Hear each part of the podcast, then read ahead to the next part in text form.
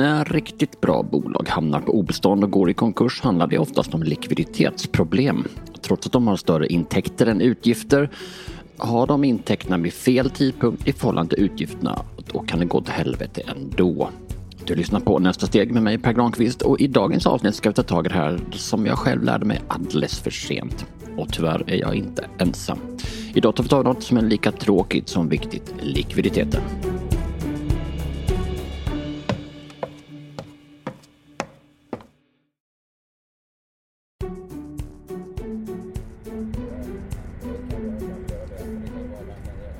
Det är ganska tidigt på morgonen men i restaurangvagnen pratas det redan. Jag har tagit nattåget norrut men när vi kommer fram till Luleå ska jag byta tåg mot buss och sen ta mig vidare till Piteå. Att jag inte fattar hur viktig likviditeten i ett bolag är för att allt ska funka är ju faktiskt pinsamt. Det ska jag villigt erkänna. Det är väl sånt man ska kunna som företagare, tänker jag. Samtidigt är företagen något man inte kan utbilda sig till utan något man bara blir lite som man bara blir förälder. Och, och, på samma sätt hjälper det inte riktigt att man läst på en massa.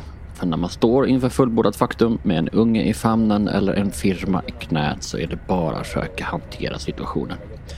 Och i båda fallen finns förstås en väldig massa teorier om vad som är rätt. Så visst kan jag önska att det skulle finnas någon som bara kunde kliva in och säga åt mig lite sådär på skarpen att följande gäller. Någon som inte tar så mycket hänsyn till mig och vad jag tycker och tänker. För jag vet ju ingenting om sånt här. Utan mer någon som säger att så här ligger det till och så här måste det vara och gör du något annat då är du helt dum i huvudet. Och det är därför jag reser mot Piteå och närmare bestämt till ett gammalt mentalsjukhus strax utanför stan. Vi hjälper ju då småföretag tycker jag att vi har. Med de här traditionella grejerna som man gör på en redovisningsbyrå. Plus lite sticka utanför grejer hjälper vi till med tycker jag. Det här är Carola Lundgren. Hon driver revisionsbyrån Revisionären som har kontor i den stora vita gamla sjukhusbyggnaden och just den här dagen är det cirka 1000 grader varmt i Piteå och vi har därför satt oss på en gammal piskbalkong i skuggan. Därifrån ser man bort till stora vägen och därför hörs vägen också ibland i bakgrunden av vårt samtal. Varför behöver världen en revisionsbyrå till? Tänkte du när ni började? Ja, det var för att jag hade jobbat på en global revisionsbyrå i 16 år och tyckte att det var så himla mycket jag ville göra annorlunda. Mm, bland annat hålla högre service, berätta vilket pris kunderna ska betala så att de vet vad det kostar, inte bara skicka kvartar på räkning utan att man har snackat om det innan. De behöver ja, mer kundvård helt enkelt. Och så bestämma själv om man ska köpa en skrivare och inte behöva få ett rek från Stockholm. Ursäkta. Carola säger ursäkta men hon menar det egentligen inte. Och det är bara en av de sakerna jag gillar med henne. Det är liksom inte så mycket krusiduller för när hon redogör för grejer. Då stod jag där och ljög för mig själv har jag insett i efterhand att ja, men, på Stora byrån får man ju åka, man får åka utomlands och jobba. Man kan ju åka till Stockholm och jobba för det är ju bra sådär mellan varven och hänga där en vecka. Fast jag gjorde ju aldrig det. Ja, en gång på 16 år. Så det var ju som att det såddes ett frö då att men gud, jag kanske kan ha eget företag. Så Carola hoppade av från stora byrån, startade eget och behövde låna en slant för att komma igång. Så jag drog till banken och tog ett lån på 100 000. Och det var ju skitläskigt. Budget har jag ju aldrig gillat att göra och jag tycker, jag tycker sällan det är jättebra verktyg egentligen, alltså en traditionell budget. Men jag var ju tvungen att göra en budget. För vänta, att... vänta nu här. Hur, hur, kan du inte gilla att göra budget? Det är väl det enda du ska gilla att göra? Ja, egentligen ska jag ju det. Men jag, nej, det är sällan det är ett bra styrverktyg. Det finns mycket bättre verktyg för att driva verksamheten framåt. Alltså jag tror varför jag inte gillar det, det är ju för att jag inte gillar his, alltså, så mycket historia. Givetvis, jag tittar på fem års analyser bakåt i tiden för att se, man lär sig väldigt mycket av historiken för att blicka framåt. Men att sitta och göra en budget och slösa tid på det i framtiden Alltså gissa vad framtiden ska bli, det tycker jag inte är så intressant. Som sagt, Carola är tvärsäker på just det där sättet som jag har längtat efter. En tvärsäkerhet helt utan stöddighet utan som bara är resultatet av lång erfarenhet och att av att se hur andra gör och vad som funkar för dem. Mina kunder de kollar ju i orderboken om den är full. De kollar på bankkontot om det liksom räcker och så kan de snabbt göra en över, ett överslag kommer jag ha råd att betala räkningarna? Det är så mina kunder generellt gör när de är småföretagare. Och det räcker faktiskt ganska långt, tycker jag. Eh, jag gör budget kanske en gång per kvartal till olika kunder som behöver det, absolut. Men det jag tycker att det är det viktigaste.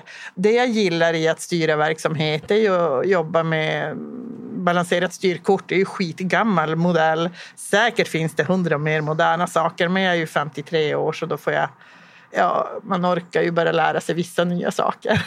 Så Balance Scorecard tycker jag ju är jättebra att driva verksamheten och då finns det ju en del i det som är den finansiella delen. Så man måste ju ha koll på ekonomin. Där är ju massor med tankar kring hur man kan ha koll på ekonomin. Men just budget. Och nu tappar jag lite tråden här vad jag skulle säga. Jo, hon skulle starta firma och hon letade lokal och hon oroade sig för att pengarna skulle räcka. Piteå Näringsfastigheter ägde en lokal i stan och de hade två rum och den kostade 1595 spänn per månad med två ganska stora rum. Nej, men jag behöver ju bara ett, för jag ska inte anställa. Ja, men du, vi kan inte hyra ut det inre rummet, för jag vill ju ha det yttre. Det går ju Du måste hyra båda. Men, ja, men okej. Okay, alltså. Så jag satt ju, då satt jag ändå och räknade. 1595 gånger 12. Jag kommer ju inte få behålla starta eget-kurserna. Jag kanske inte får någon kund och sådär.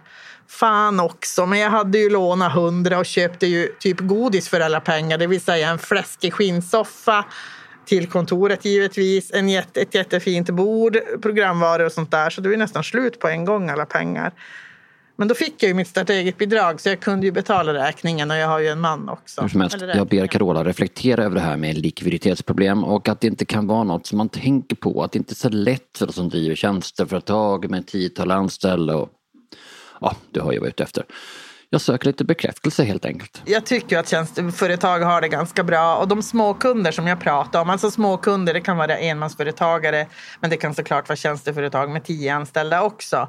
Men de har det ju, de har det ganska bra på så vis att tappar de orderingång, ja, då kan det räcka att de säger upp den senaste anställda och då ordnar det sig på något sätt. Så jag, jag kan inte komma på något tjänsteföretag som har stora ekonomiska problem. Det, det... Nej, noll bekräftelse för min tes. Så jag försöker igen säga att det kanske är vi småföretagare som har problem med kassaflöden. Är det inte något unikt med, med just då småföretagare? Jag vet inte om det är kanske något unikt för småföretag, eller det är unikt för småföretagare bestämmer jag mig för. Det är ju att de har ju pengar, de har ju sparat pengar, många av dem, och därför så klarar de sig. Och är det så att det blir mindre betalt eller mindre orderingång då jobbar de som attan och så skiter de i en lön. Alltså, de bara löser det. De lever på frun eller på mannen ett tag. Och entreprenörer, jag tycker att de, verk, de är så. De ser till att lösa problemet. Okej, så likviditetsproblem är inte en grej alls för någon? Men de här bolagen som har en stor kund eller två och så börjar någon av dem krångla eller flytta kontrakt och så har man just gjort en stor investering. De då? Med stigande irritation över Carola vägrar legitimera att man kan ha lite dålig koll på likviditet som företagare säger jag att i den situationen borde väl ändå likviditet vara något som kanske till och med påverkar Piteå-företagare. Där tycker jag ändå att det, det, det kan svaja resultatet ibland ifall ja, men Sveaskog och SCA har, har pruta på priserna och sådär. Men det som sker ofta där när våra kunder beställer en skördare eller en skotare så, har, så gör de det inte med mindre än att de har ett avtal. Alltså då har de ju ett avtal på några år med en kund och där finns, finns det också ofta reglerat i avtalet kring uppräkning om det skulle bli räntejusteringar och annat. Så de klarar sig, men det är inte så att de gräver guld. Men vad fan, är de helt immuna mot likviditetsproblem här uppe? Eller är det så att jag helt enkelt missat något man verkligen måste ha koll på?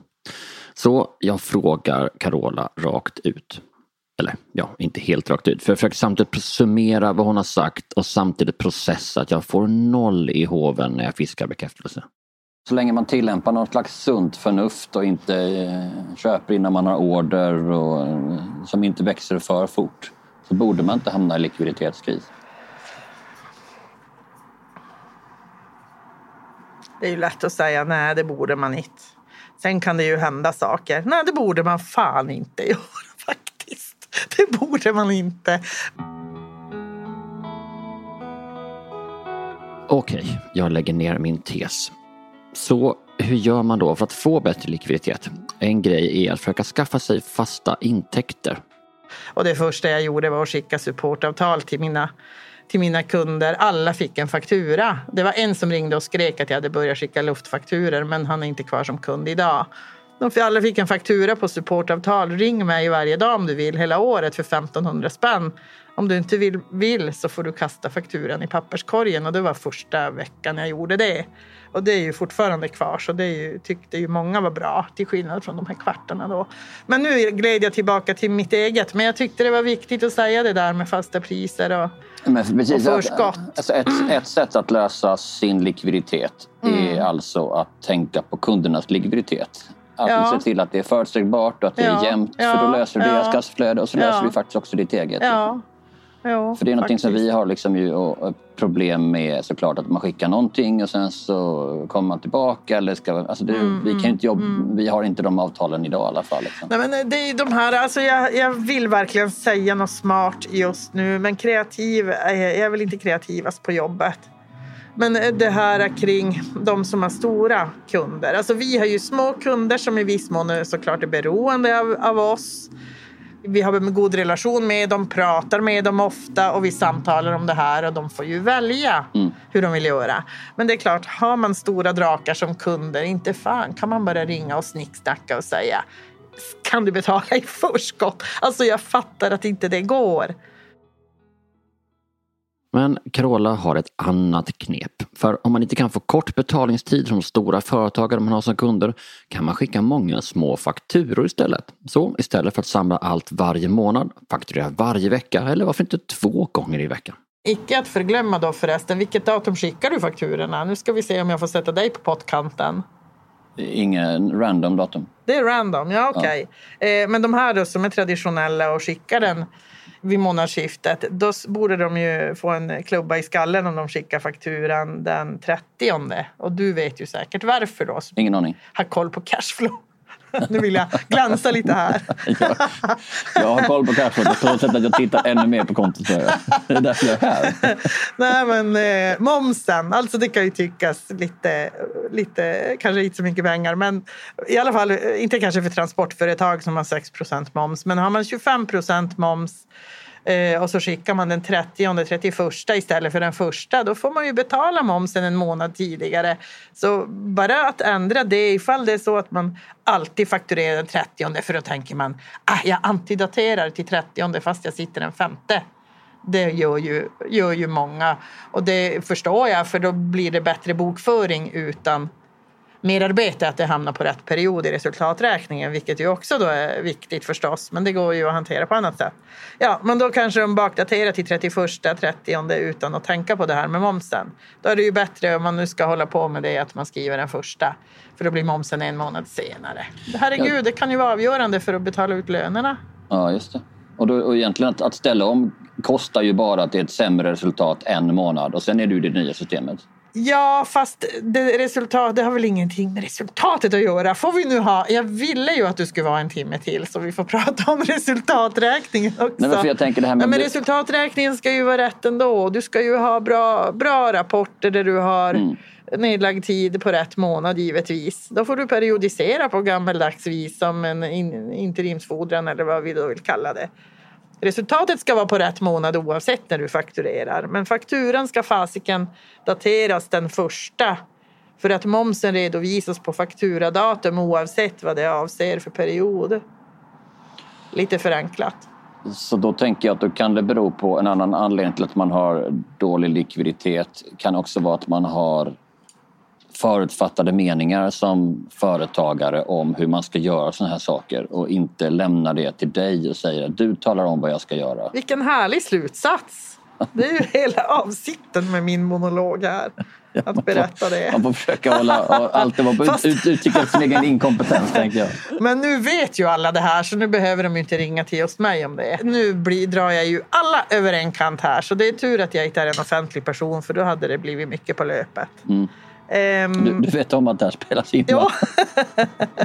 När krisen drabbade mitt företag var vi dåligt förberedda. Vi hade inte en massa pengar i kassan och visst gjorde också jag så att jag hoppade över ett lönetag. Men till slut så var vi tvungna att dra ner på allt. Att avsluta provanställningar, projektanställningar och sparka folk.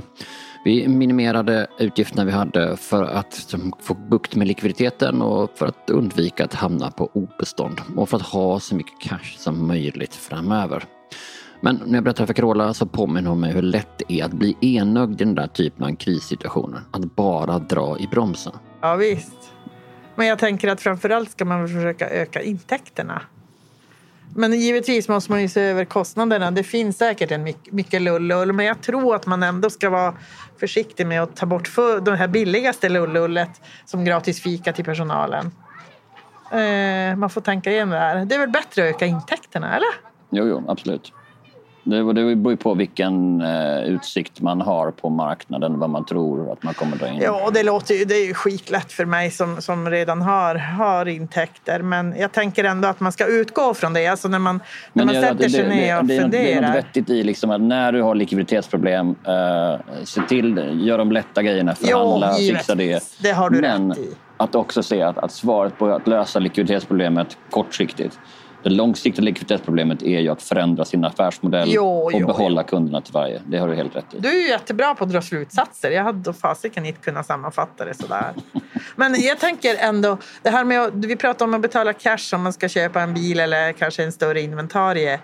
Det som jag brukar råda mina kunder det är ju att inte göra slut på sina pengar. Om vi tänker ett vanligt decennium utan, utan kriser. Eh, en vanlig tid utan kriser. Eh, det, det händer ju ändå med några års cykler där, eller med mellanrum. Att det är normaltillstånd. Mm. Då, eller så här, om du går till banken så, så kanske du lånar en miljon och så sen ser du att du har pengar på kontot och så vill du skyndsamt betala av lånet. Skit i det! Alltså, det är bättre att med dagens låga ränta, nu är det generellt, att, att eh, ta inte ut alla pengar från ditt företagskonto eller placeringskonto för att betala av lånet i de här tiderna där räntorna är så låg. För att den dagen du behöver pengarna, om det blir en kris imorgon, då kommer du inte att få låna pengar av banken. Det börjar gå upp för mig att det finns ganska mycket man ändå kan göra för att fixa sin likviditet. Alltså andra saker än att bara fakturera kunden oftare eller betala långsammare till leverantören. Så allt med kundfaktureringen, sen precis det du var inne på, ringa till dina leverantörer och prata med dem. Försök förlänga kredittiden. Alltså, ifall man skulle vara lite Excel-nördig eller nyckeltalsintresserad så är det intressant att se hur mycket pengar du frigör genom att få kredit hos dina leverantörer, det dubbla eller 50 procent eller, eller någonting mera. Mm. Några dagar till. Förhandla med dina leverantörer, då får du behålla.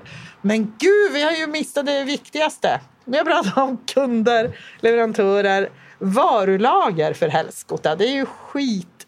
Alltså det är så otroligt avgörande för din likviditet hur du hanterar eh, varulagret. Och mina kunder de bara... Alltså fast jag försöker få det intressant och liksom att de bara ska älska mina argument så ser jag hur de nästan, inte kanske somnar, men hur de bara, men kan du Alltså Carola, måste du prata om det här en gång till? Ni revisorer säger alltid att det är för högt varulager. Och, men om vi inte har något varulager, vad ska vi sälja då? De har ju helt rätt. Man måste ju ändå... Man kan inte bara gå och prata nyckeltal med kunderna utan man måste ju ha koll på deras verklighet. Men det är viktigt med varulagernivån för du binder ju ofta en miljon eller två där i mindre företag som har butiker till exempel. Lär dig att räkna på, på varulageromsättningshastigheten. Det låter skittråkigt men du behöver bara ta fram tre siffror. Googla på hur man gör och så räknar du ut det. Kolla hur det har varit några år i rad. Eh, och så sen ska du dessutom gå ut i butiken och i lagret och kolla hur mycket plats har du där? Ja, men där har jag 100 procent hyllas. Se för fasiken till att du bara har inte allt fullt. Bestäm dig för en procentsats. Tre fjärdedelar, 80 procent, 90 procent. Du får inte ha fullt på hyllorna. För det är ju nu alltså, som privatpersoner så har man ju fullt i alla skåp. Jag har bott i lägenhet, jag har bott i hus. Det blir fullt hur många som än flyttar hemifrån. Så är det ju. Jag tror att det är många med mig. Du har också så i ditt varulager. Du får inte det. Bestäm dig för att det får inte vara fullt. Som sagt, det finns mycket man kan göra. Besöket hos Carola har gett mig en helt annan förståelse för hur mycket man faktiskt kan laborera med. Och därmed tänker jag väl att det är dags att eh, avsluta samtalet. Superbra. Har vi glömt något? Jo, en grej till. Eh, två grejer. Får jag det? Mm, ja. Eh, jag gjorde en övning för egen del här. En ja, riskbedömning. Det låter ju hur tråkigt som helst. Men jag, jag försökte klura ut olika scenarios om, om eh, den kris vi är i nu. Det kan vara vilken kris som helst. Om den är över framåt årsskiftet. Bra. Eller om den inte är det. Eh, och många av våra kunder går i konkurs. Alltså nu tittar jag på min egen firma då. Våra kunder konkar. Vad händer då? Eller vad är risken för det och olika scenarios? Och jag drar inte de här, men min poäng är att titta över på längre sikt då. Du kan göra det nu i sommar, men titta över vilka kunder du har. Vilka är dina största kunder? Har du bara två stora kunder och inga andra, då ligger du ju jäkligt risigt till. Kan göra det på sikt, men det kanske är bra just nu med de kunderna att man ändå ska se över sin kundstock. Och nu har jag glömt den första. Varför gör jag alltid så här? Åh! det var någonting med det. Ja, men, passa på sig över affärsmodellen. Det är ju det bästa ändå med kriser. Att, för jag har ju jobbat i branschen sedan 89. Jag har ju varit med om flera ja, kriser både på byrå och hos kunder. Se över din kundstock. Fundera över, har du A, B eller C-kunder? Eller, ja. Ja, Carola kunde nog fortsätta en stund till här med sina kloka råd, men grejen är att jag är tvungen att dra för att ta itu med en annan sorts likvida medel. Jag ska nämligen dricka öl med en musiker som inte kan något om likviditetsproblem men som ändå startat företag. Mer om det efter pausen.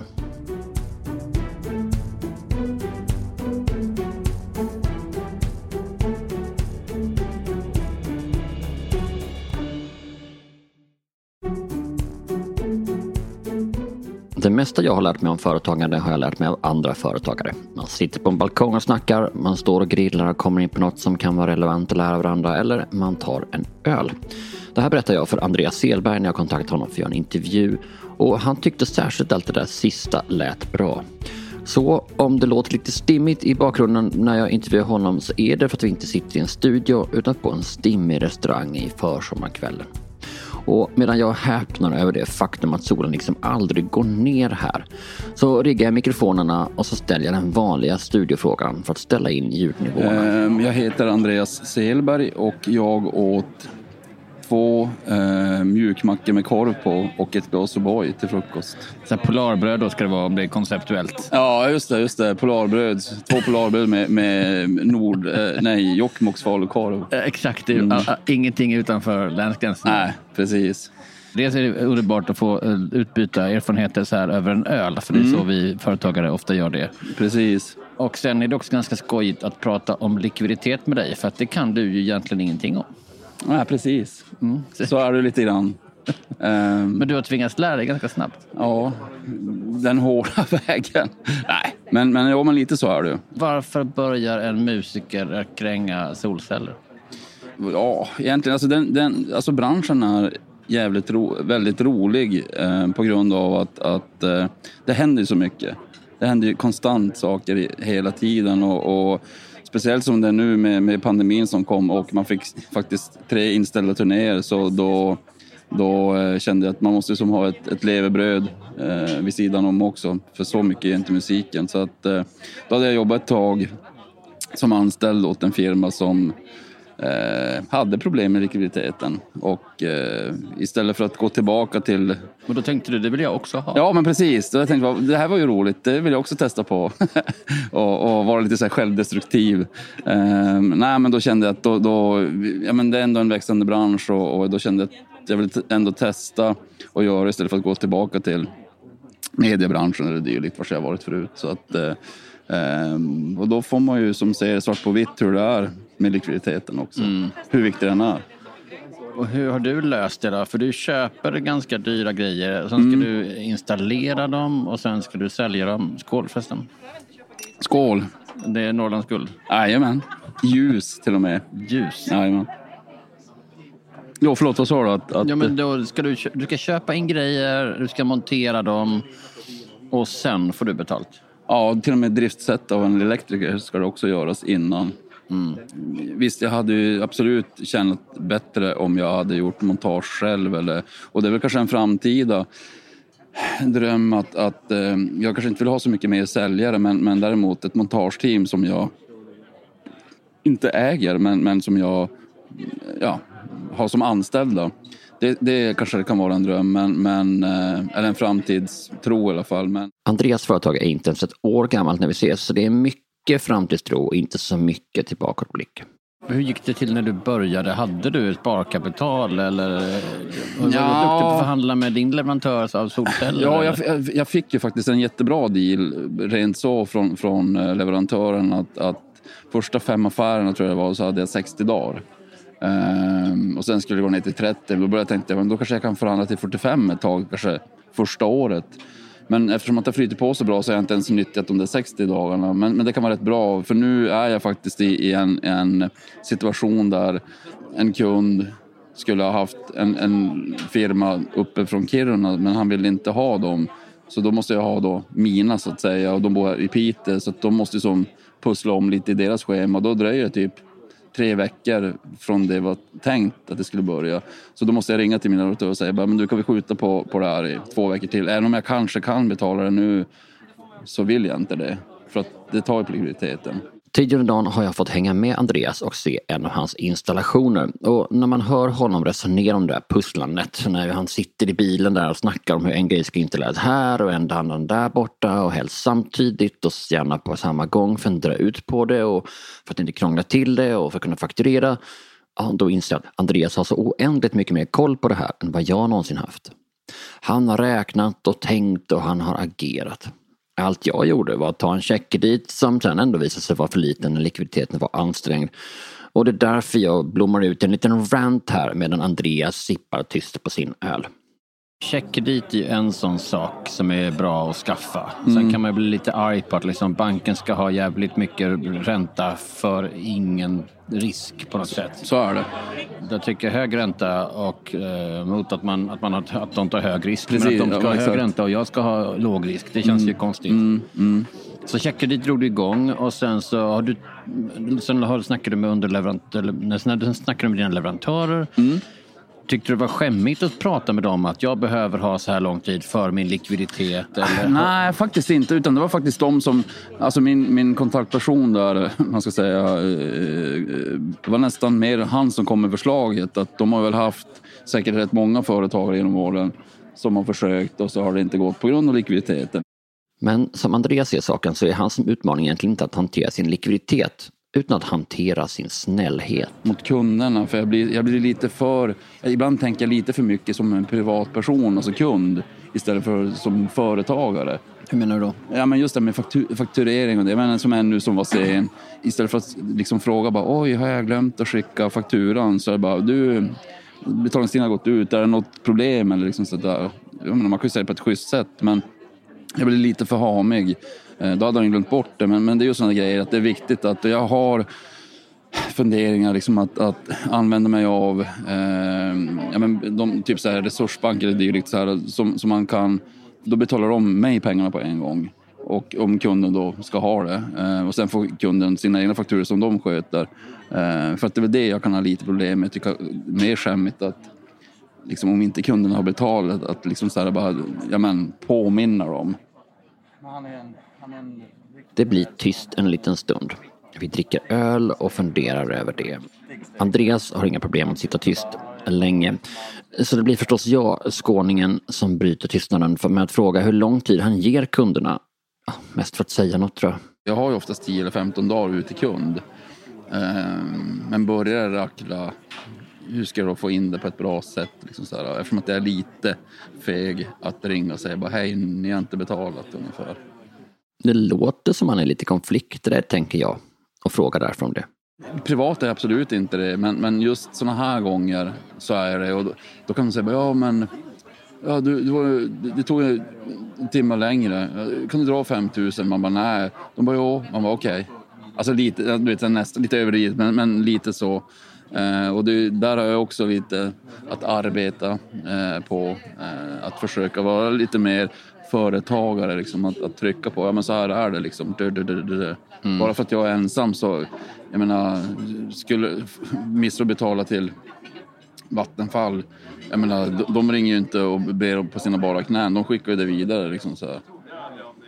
Ja, jag tänker att folk är liksom vana vid det på något sätt. Um, men det, man, är man lite för snäll så är man ofta lite för snäll i jobbet också. Jo, så är det. Och det, det är jättesant det du säger. Att, att oftast blir man som... Man gör sig själv en björntjänst. Mm. Kanske är det utsikten där från vårt bord över någon slags älv.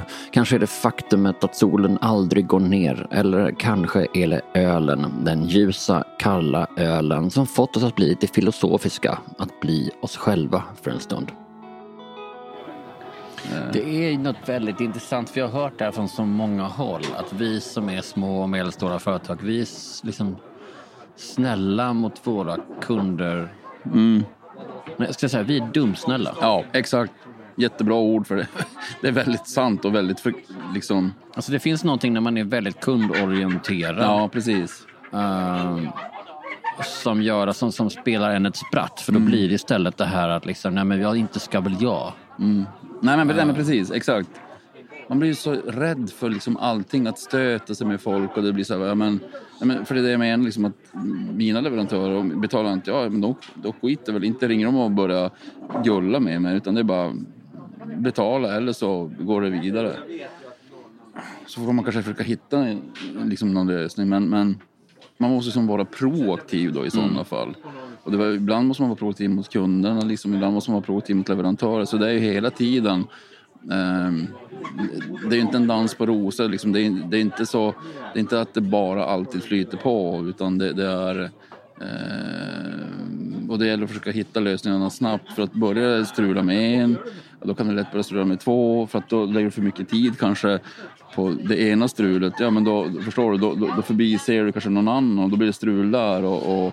Det jag gillar med din metod är ju liksom att du har satsat på att själva verksamheten ska vara så ostrulig som ja, möjligt. Ja. För då kommer sen faktureringen att flyta på. Ja men jag, jag tror det. Alltså det, det är liksom mitt motto. Jag tror någonstans att... Ja, det är ett bra motto. Försök att inte strula till det.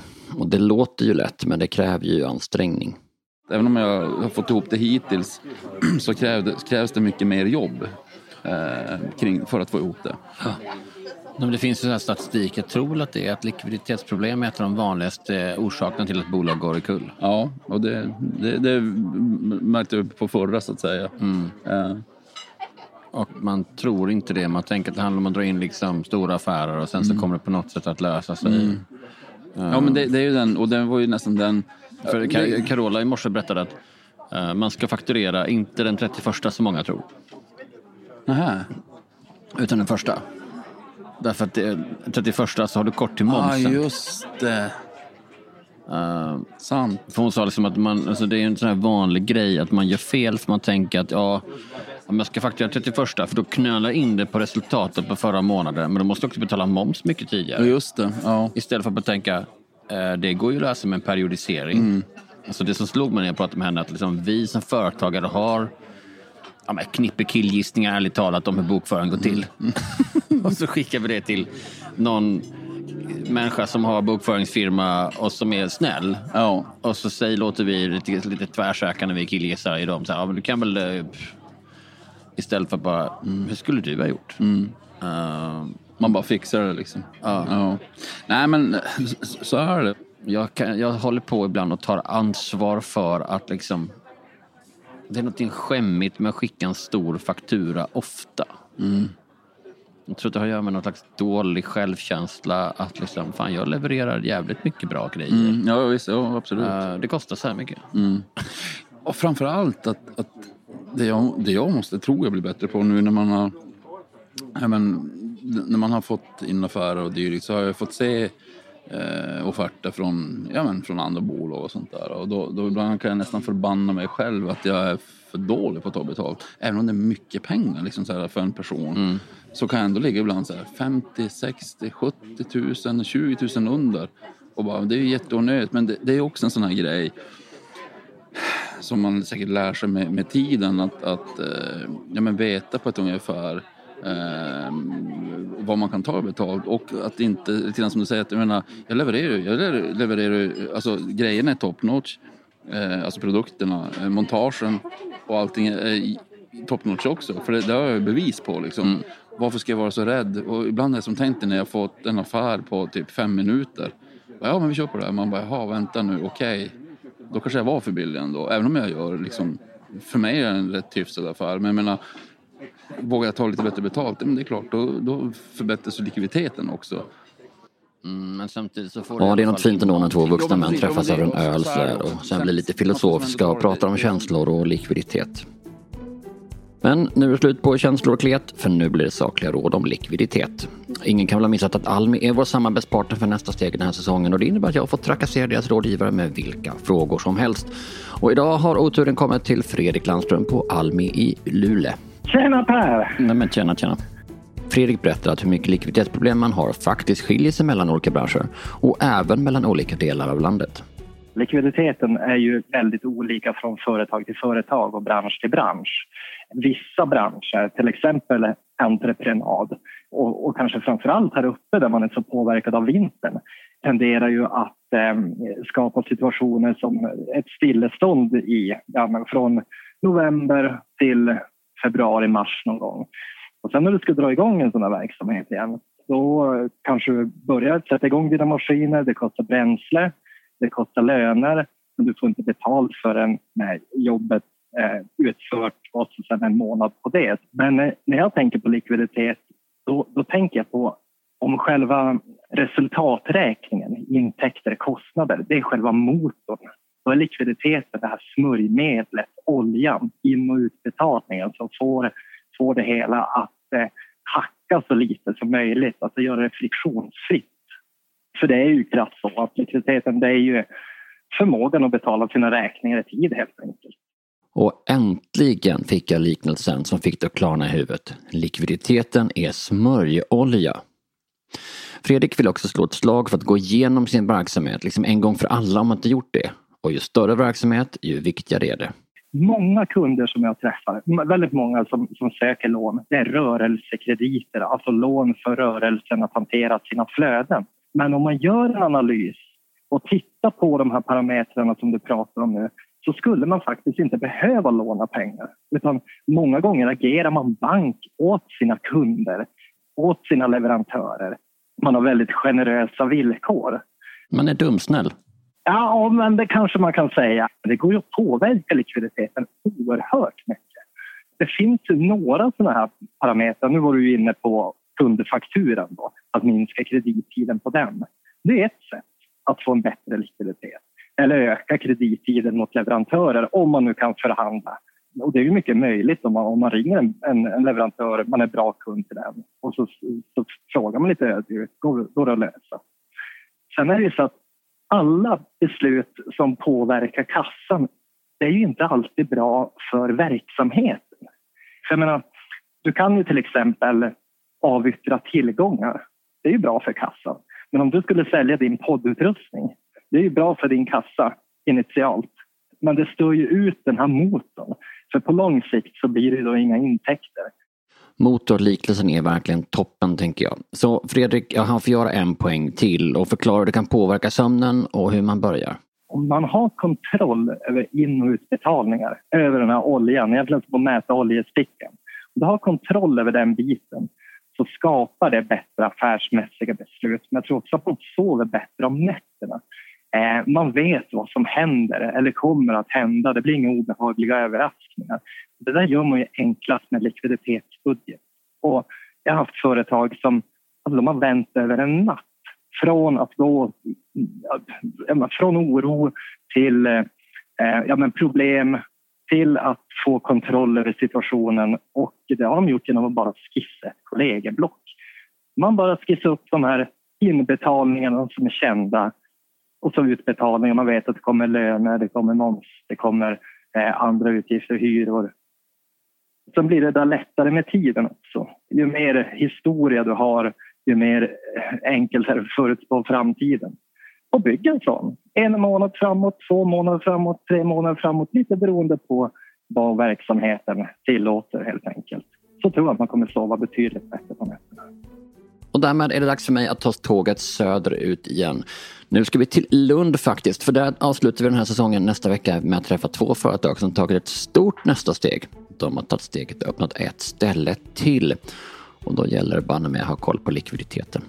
För att inte missa de lärdomarna, klicka följ eller prenumerera i din poddapp så får du avsnittet så fort det släpps. Och om du känner en företagare som haft lite tufft med likviditeten, och det gör vi väl alla, så tycker jag att du ska skicka det här avsnittet till dem.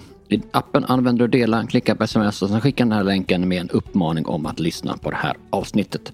Eller alla tidigare faktiskt, för de är toppen på sitt sätt allihopa.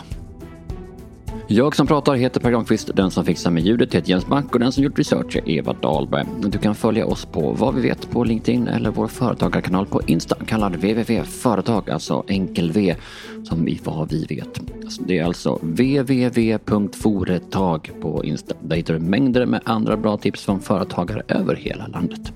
Vi hörs snart igen och tills dess, håll koll på pengarna.